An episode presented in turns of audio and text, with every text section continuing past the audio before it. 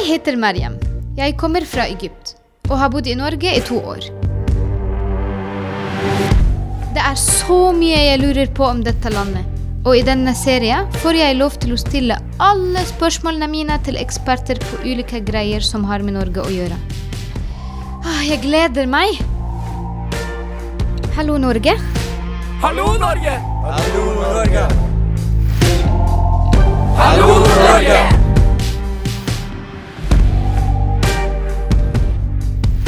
Velkommen til del to. Her sitter vi med Kamzy og Tyler og snakker om norsk politikk. Kan jeg få lov til å stille, et spørsmål fra min egen bakgrunn, fra USA? Jeg kommer fra et uh, Det er mange som mener, jeg selv, men at det er ganske dysfunksjonelt politisk sett for tiden. Det har du helt rett i. Yes. Uh, mitt spørsmål er Tror du at Norge fungerer bra politisk sett, eller er det noen svakheter i systemet? Ja. Norge fungerer. Men eh, som jeg var inne på så vidt i stad, så er det sånn at systemet er jo den vi skaper. Fordi politikk skaper holdninger, og holdninger skaper politikk. Vi får de lederne vi fortjener. Det, det, det syns jeg man skal tenke litt på. Vi får de lederne vi fortjener, og som vi stemmer på. Eh, og det jeg eh, sier med det, er at eh, for eksempel så er det også en del eh, nå skal, nå er det veldig høy valgdeltakelse i Norge, sånn sammenlignet med andre land. Men vi kan ikke ta det for gitt. Jeg tenker litt på de som ikke stemmer. Er det bare av praktiske årsaker? Eller tenker de at det betyr ingenting for meg? Og kan det utvikle seg? Ikke sant? Eh, og når jeg tenker på systemet, så tenker jeg at det, um, det er et par ting jeg er bekymra for. Eh, vi har hatt politikere de siste åra som har brent aviser, som har sensurert eh, historiefortellinger i SAS-magasinet, Um, og som drar krenkekortet når noen blir sagt. Hva betyr krenkekortet? Krenkekortet er Jeg deler ut et krenkekort.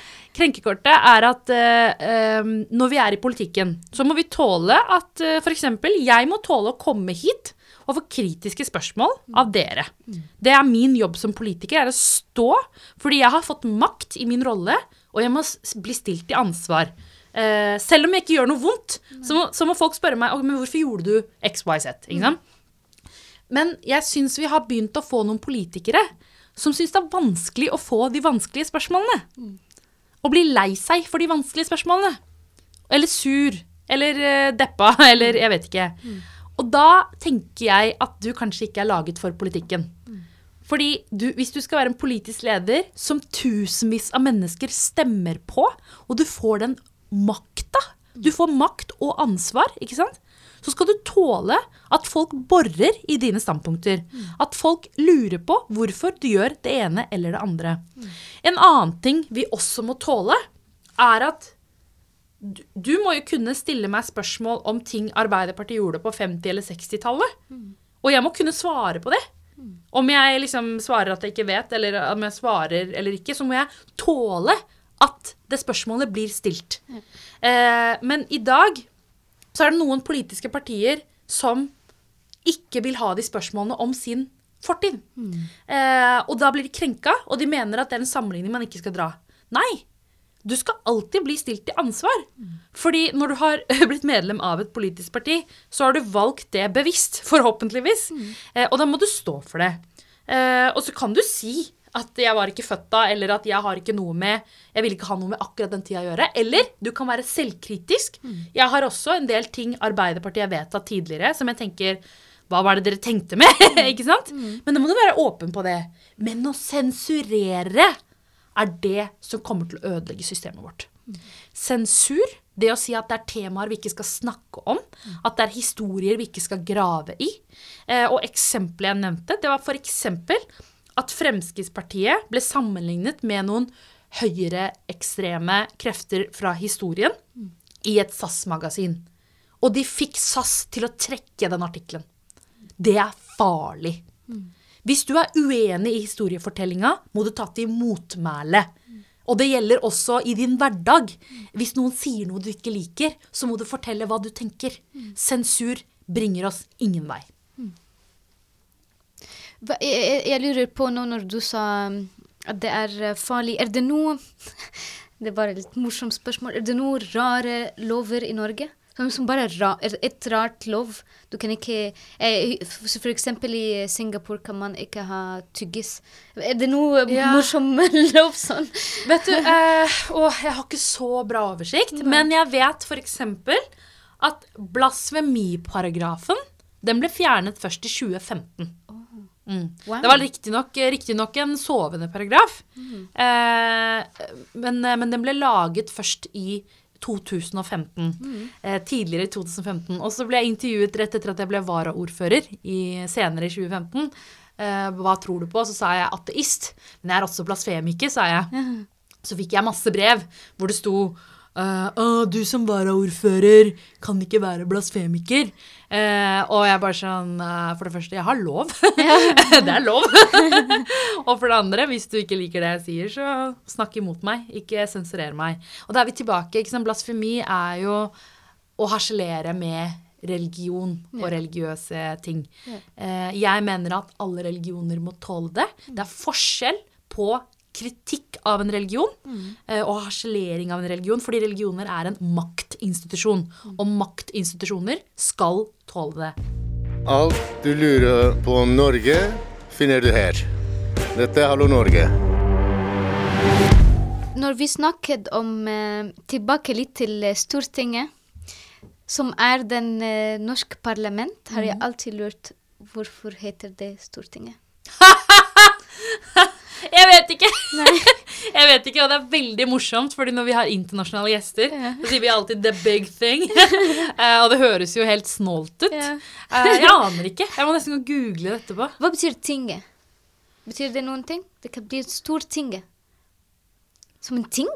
Storting? Big thing? Jeg føler jeg burde visst det, men jeg er usikker. Jeg har sikkert blitt fortalt det på et eller annet tidspunkt. Vi må finne ut. Men det har eh, tydeligvis ikke vært en eh, spennende historie der. ja. Tyler, kanskje du kan? Du, det, jeg tror det handler litt om at tidligere var det mange flere ting rundt omkring i Norge. Ja, mm. Og når de startet med Stortinget, da, så hadde de lyst til å bygge det største. Ja.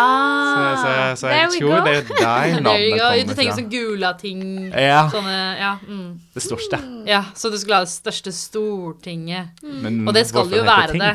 Ja. Det er jo nasjonens fremste forsamling. Mm. Men eh, du jobber i, lok i lokalpolitikk. Du jobber i kommunen, da. Er det en stor forskjell ved å jobbe lokalt versus å jobbe nasjonalt? Det er det. Sånn nasjonalt så er det eh, de store overordna tinga, ikke sant? Eh, og en ting som det er liksom viktig å si, da, er at i Norge så har liksom lokalpolitikk og lokaldemokrati har hatt veldig stor betydning. Eh, jeg tror det har også hatt påvirkning på tilliten vår til myndigheter. Ikke sant? At du egentlig tilnærmet kan Jeg opplever at folk kan komme i resepsjonen på rådhuset og bare Er si her? Hallo. Ja. Ja. Eh, du kan ikke gjøre det i USA. Nei, Eh, da kommer det fem vakter, tror jeg. sikkert, sikkert flere. Eh, og det er en Det er en Det er vakkert, Ja. syns jeg. Eh, og det er derfor eh, jeg sa i stad Jeg vet ikke hvor mange fylker vi har. Og det er fordi vi er midt oppe i kommune- eh, og regionreform. Det betyr at eh, noen kommuner skal slå seg sammen til større kommuner, og noen fylker skal slå seg sammen til større fylker. Ikke sant? Og det betyr at eh, for noen så blir makta litt lenger unna enn det det har vært tidligere.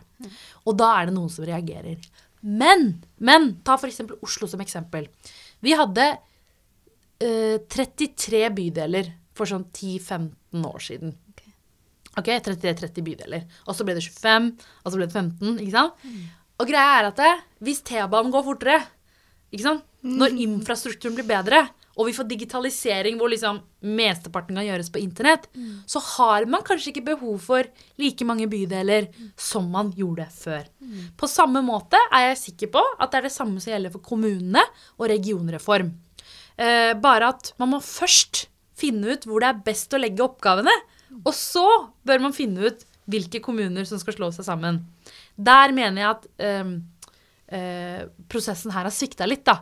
Uh, for det er litt inne på det spørsmålet du stilte. Hva er forskjellen på lokal og nasjonal politikk? Det handler om oppgavene og hvor man plasserer oppgavene. Utenrikspolitikk, forsvarspolitikk, hvor mye penger skal vi gi til kommunene? Det er på nasjonalt nivå. liksom type, Hva skal ligge i læreplanene? Sånne, sånne nasjonale instrukser. Så kommer du til Oslo, kan vi eksempel, vi kan bestemme om vi vil ha hvor mange videregående skoler skal vi ha, hvor skal vi plassere de, hvor skal vi bygge kommunale boliger, ikke sant? Men det er jo også en ongoing discussion, ikke sant? Det må man jo diskutere fortløpende. Eh, og det er jo det som skjer nå når kommuner og fylker skal slå seg sammen, er hvor er det riktig at ulike typer ansvar ligger. Sant? Eh, for eksempel så er det veldig mange som vil at noe ansvar skal flyttes til nasjonalt for å sikre finansiering. Men oppgavene vi har, handler jo ikke bare om finansiering. Det handler jo også om å forme det på den best mulige måten. Og da er spørsmålet er det Stortinget som kjenner f.eks. Oslo best, eller er det Oslo bystyre som kjenner Oslo best? Jeg tror det de, de fleste folk som stemmer, bryr seg mer om lokalpolitikk eller nasjonalpolitikk? Dessverre. Der vet vi at folk flest, at det er høyere deltakelse når det kommer til stortingsvalg. Også fordi at eh, i stortingsvalg så er det så eh, Det kan være at det, blir, det virker viktigere for folk. Ikke sant? Og derfor er det også lavere eh, deltakelse når det er lokalvalg. Jeg kommer fra en bakgrunn som er ekstremt byråkratisk. Og jeg tenker på det er, er, det Ting funker også veldig byråkratisk i Norge. Eh, I Norge så er det mye byråkrati. Eh, men det er også med på å sikre oss at ting fungerer ordentlig. Eh, men det betyr ikke at vi skal alltid ha det sånn. Eh, det kan hende, eh, og det er det også, at det er unødvendig byråkrati mange steder. Men, men det må man ikke glemme, da, er at eh, byråkratiet er jo ikke en gjeng eh, hvite eh, menn i dårlig eh, skjorte og dress og som sitter og bare eh, bruker lang tid. Byråkrati er høyt utdannede, kjempedyktige mennesker som sitter og kvalitetssikrer behandlinga. Eh, og det tar tid. Og det betyr at det som kommer ut på den andre enden, eh, at det er eh, at det er riktig, da. Eh, og mest mulig riktig for, eh, for de menneskene det gjelder. Samtidig syns jeg det er helt utrolig med at det er elektronisk ting, at man bare søker å få det i posten. Det er helt fantastisk at jeg må ikke stå på kø og finne mitt navn og få stempler. Alt kom i posten med en gang, og jeg syns det er eh, det er helt utrolig. Og det Eh, er jo, ikke sant eh, Vi snakker alltid om de negative tingene ved digitalisering og sosiale medier og det der. Eh, men vi må ikke glemme all den forenklingen, effektiviseringen, og hvor mye glede det gir oss, og vi kan bruke energien på andre ting. må også fortelle om en ting som jeg syns er så morsom, og måtte fortelle alle venner i, i mitt land. At en gang fikk jeg en brev. Det var så morsomt. Fra, jeg tror det var fra Oslo kommune, som sier at jeg har betalt altfor mye for helsa. Og de vil betale til Gi meg penger, for de syns at jeg har betalt mye til og, jeg har aldri opplevd at jeg får penger fra staten! Vi alltid gir. Men vi, jeg fikk penger fra Og de sa 'vær så snill, send kontonummer'. Og vis. det er helt utrolig at så, Og det er det jo byråkratiet som sitter og følger med på. ikke sant? Og det er litt sånn skatten også. Yeah. Jeg betaler alltid eh, Jeg estimerer alltid at jeg skal betale mer skatt. Da får jeg skatten tilbake. Jeg har tilliten til at hvis jeg har betalt for mye, så får jeg skatten tilbake. Og så har jeg ekstra sommerpenger. Eh, mens, eh, mens veldig mange er jo opptatt av å sørge for at de leverer akkurat hvor mye de kommer til å tjene, og så ender de opp med å betale noen tusen tilbake til staten. Men det er det som er greia, er at det, vi har tillit til systemet. Eh, når jeg reiser rundt, det, det er litt spennende da, når jeg reiser rundt i Europa, uh, og så spør folk uh, hvorfor bor de lykkeligste menneskene i Norge, hvorfor er tilliten så høy, Da svarer jeg alltid vi betaler skatt, og vi stoler på at skatten blir brukt riktig. Det er kortfortellingen. Altså kortversjonen av fortellingen. Mm. Jeg er helt enig. Og som sagt tidligere, jeg kommer opprinnelig fra USA, så det er veldig deilig å komme til et system som funker mye bedre. Eh, men samtidig, Norge er ikke helt perfekt heller. Det, det er en del svakheter. Og derfor er vi i politikken. Ikke sant? Men, men har du noen konkrete eksempler på lærdommen vi kan få fra andre land, politisk sett? Eller vice versa, ting som Norge kan lære til andre land? Øh, Det var et øh, litt vanskelig spørsmål. Jeg blir sånn, Hvor skal jeg begynne?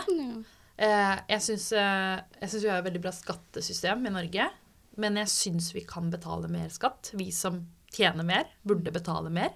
Eh, fordi at eh, vi har alltid argumentert med at sosial ulikhet ikke er bra økonomisk. Og det har vi visst, ikke sant?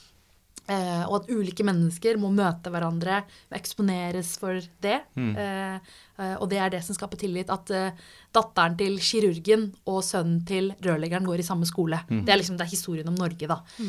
Eh, men sånn er det ikke nødvendigvis lenger. Eh, og det er det jo Det er derfor jeg blir sur eh, når folk behandler noe politisk, og så sier man ja, men det er bare en skole. Det er bare, Folk må få lov til å velge skole. Eh, det er bare én kommunal bolig. Mm. sånn, Nei!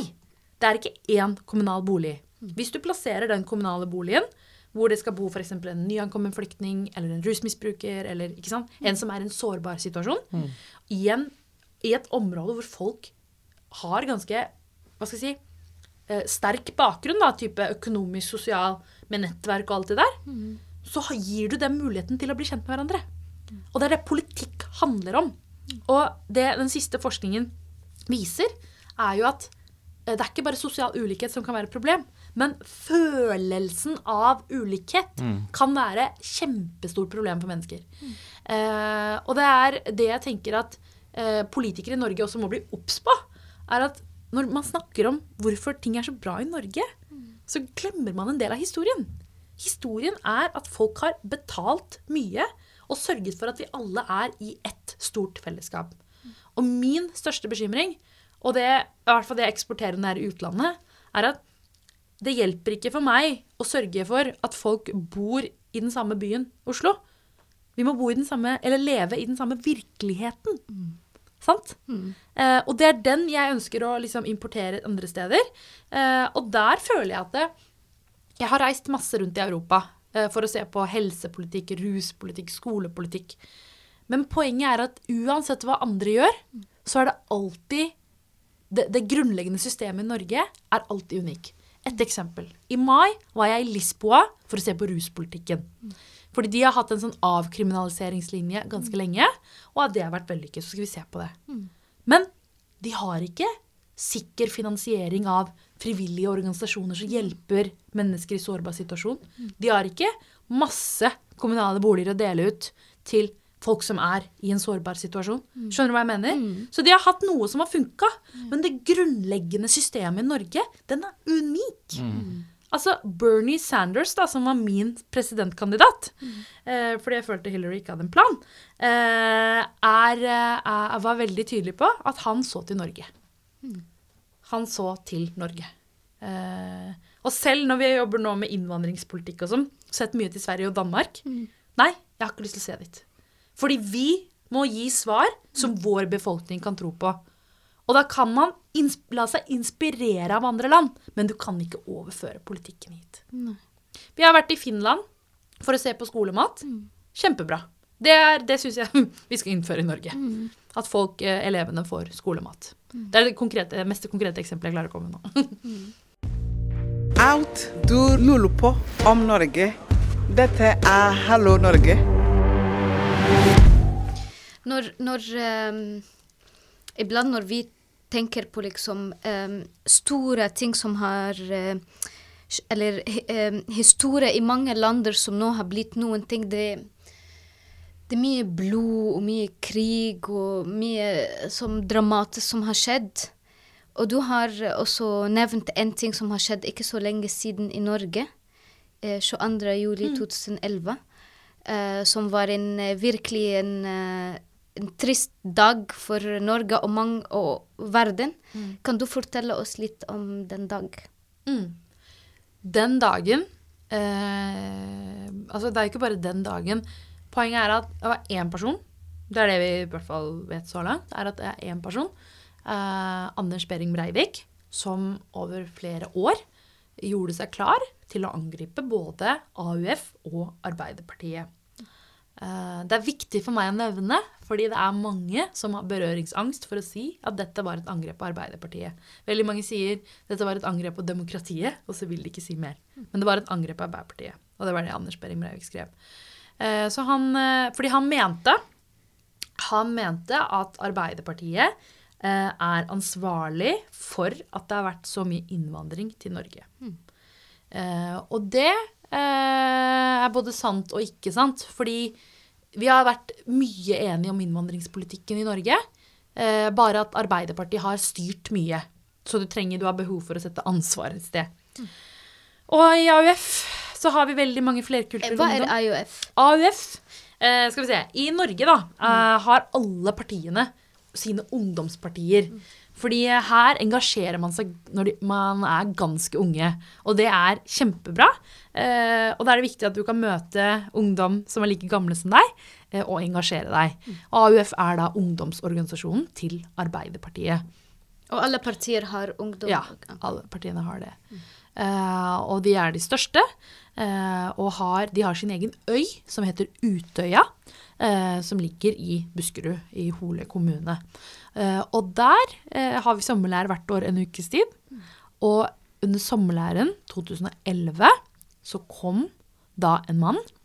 Han hadde bombet regjeringskvartalet. Det er derfor de driver og jobber der nå. Eh, han hadde bombet eh, regjeringskvartalet mens vi var på Utøya. Eh, så når eh, jeg fikk høre det, så tenkte jeg var bekymra for om foreldrene mine var trygge, og søsknene mine var trygge. Og det var de. Og når jeg fant ut det, så var jeg bare opptatt av å holde folk i ro. For jeg satt i sentralstyret, vi skulle passe på folk. Eh, så øh, plutselig så hører vi noen skytelyder, og da løper vi etter Løper vi fra lyden, gjemmer oss, og jeg øh, redder meg selv ganske tidlig øh, ved å svømme. Eh, og det er det som skjedde den dagen. Men det som er relevant i denne settingen, er at når vi kom over på landsida, og jeg kom meg hjem, så bare skrev jeg en blogg, og alle var jo opptatt av eh, for å si det som det er, alle var opptatt av det sosialpornografiske. Hva følte du, hva skjedde, hvor svømte du, hvor gjemte du deg, osv. Men poenget er, vi kommer opp på den andre siden, eh, og, og så begynner man, ikke sant, Jens holder sin tale, Jens Stoltenberg, som da var statsminister, eh, om at eh, sant, dette skal vi svare med mer åpenhet, mer demokrati. Og det var rosetog eh, på hele Rådhusplassen noen dager etterpå, og det var eh, messe i domkirka. Men poenget var at jeg føler at vi har vært altfor sent ute med, og det er det som er mitt ansvar som politiker, er å snakke om hva skapte Anders Behring Breivik? Og det er det som er relevant, og det er politikken kommer inn. Fordi det var ikke sånn. Han er ikke gæren. Han sto ikke opp en dag og tenkte 'jeg går og skyter noen kids' på en øy. Nei, han har fått dette tankesettet over eh, flere år. Eh, men det var ikke sånn at han bare ble radikalisert over natta. Han hadde et skolesystem som svikta, foreldrene hans svikta, eh, barnevernet svikta, ikke sant? Så det blir jo min jobb, og det er det jeg vil fokusere på, er jo å sikre et barnevern som fanger opp problemer, at vi har lærere som, har, som kan se hver enkelt elev, og som har tid til det, eh, at foreldre er bevisst ansvar, eller hvis de ikke vet hva de skal gjøre, at de kan vite hvor de kan gå og oppsøke hjelp. Det er det diskusjonen om arven etter 22. juli bør handle om. I stedet så sitter vi og klarer ikke å sikre oss rent sånn sikkerhetsmessig engang, eh, og reduserer det til hvor mye penger vi bruker på sikkerhet. Eh, og det er ikke, for meg er ikke det det viktigste. For meg er det demokratiske sikkerhetsnettet det viktigste. Eh, og jeg kjenner at jeg blir mer og mer sint for hvert år som går, fordi folk neglisjerer det ansvaret. Eh, og det siste jeg vil se, si, er at Norge kan ikke reduseres til å snakke om til å snakke om systemet. Fordi hvis vi skal forebygge at en ny Anders Behring Breivik blir skapt, så må mennesker bidra. Altså hver eneste menneske, ikke bare Erna Solberg og Raimond Johansen, men hvert menneske i Norge. Så mange sitater som må skrives ned fra denne samtalen. Jeg tenker på Jeg, har, eh, jeg var in, ikke i Norge da, men jeg har sett etterpå så mye kjærlighet etter 22. juli. At folk var ute på gata, og det var plutselig jeg, jeg vet ikke hvis kanskje det var eh, Vart ikke så lenge, men det var masse snakk om Oslo som et sted for kjærlighet. Øh, og at alle må stå At vi kan ikke um, uh, stå mot hat med hat. Er det noe som du føler også at uh, det har skjedd i Oslo, at det har blitt kanskje mer åpent på en måte? Altså, For at mennesket skal fungere, så holder ikke bare hjertet. Du trenger hjerne også. Og det jeg prøver å si, er at Jeg sa i stad at når jeg ble fortalt at jeg ikke var norsk nok til å lede 17. mai-komiteen, så viste folk masse passion. Men om de samme menneskene hver eneste dag er eh, står opp mot rasisme, det vet jeg ikke. Eh, jeg tror faktisk ikke det. Sorry. Eh, jeg tror mange av de gjør det, men ikke alle. Eh, på samme måte. Det var mange som hadde passion etter 22. juli. Det var mange som gikk i rosetog. Det var mange som la roser foran domkirka. Eh, det er mange som deler dikt og sanger og låter osv. Men det gir meg ingenting. Det gir meg Det gir sikkert noen andre masse, men det gir meg ingenting. Jeg vil ha for hver rose som ble løftet jeg tror det var 26. eller 25. juli. For hver rose som ble løftet, så vil jeg ha et politisk tiltak for å forebygge utenforskap. Og hvis du kan gjøre det, så er det kjærlighet for meg. Fordi klem forebygger ikke Jo, vet du hva. Jo, jeg skulle til å si klem forebygger ikke en ny Anders Behring Breivik. Det gjør det kanskje, hvis den som potensielt eh, holder på å falle utenfor, får en klem. Eh, men, men jeg trenger ikke sympati. Jeg trenger at folk står opp mot rasisme. Action. Ikke sant? Det, det var veldig sterk å høre. Veldig bra. Tyler, har du noen spørsmål? Eh, Jeg tenker det er, det er mange som sier ja, politikk det er komplisert, eller det er så Hva kan vi si polarisering at jeg ikke ønsker å gå inn i det i det hele tatt. Hva vil du ha sagt til de som sier nei, jeg er ikke interessert i politikk? Da skal du aldri klage. Aldri. Godt svar. Veldig godt svar. Uh, for å avslutte, uh, er jeg veldig nysgjerrig på å høre hvordan ser ut, eller hvordan er din drøm Norge? Uh, drøm, min drøm for Norge, det er at vi ikke bare lever i det samme landet, men at vi også lever i den samme virkeligheten. At det er det som er veien til frelse. Det var short and sweet and accurate, og det var fantastisk å ha deg i studio. Tusen, tusen takk for din tid. Lykke til med alt du gjør for uh, Oslo og Norge. Tyler, tusen takk at du var her med oss også på studio. Bare hyggelig. Tusen takk. Hallo, Norge! Hallo, Norge!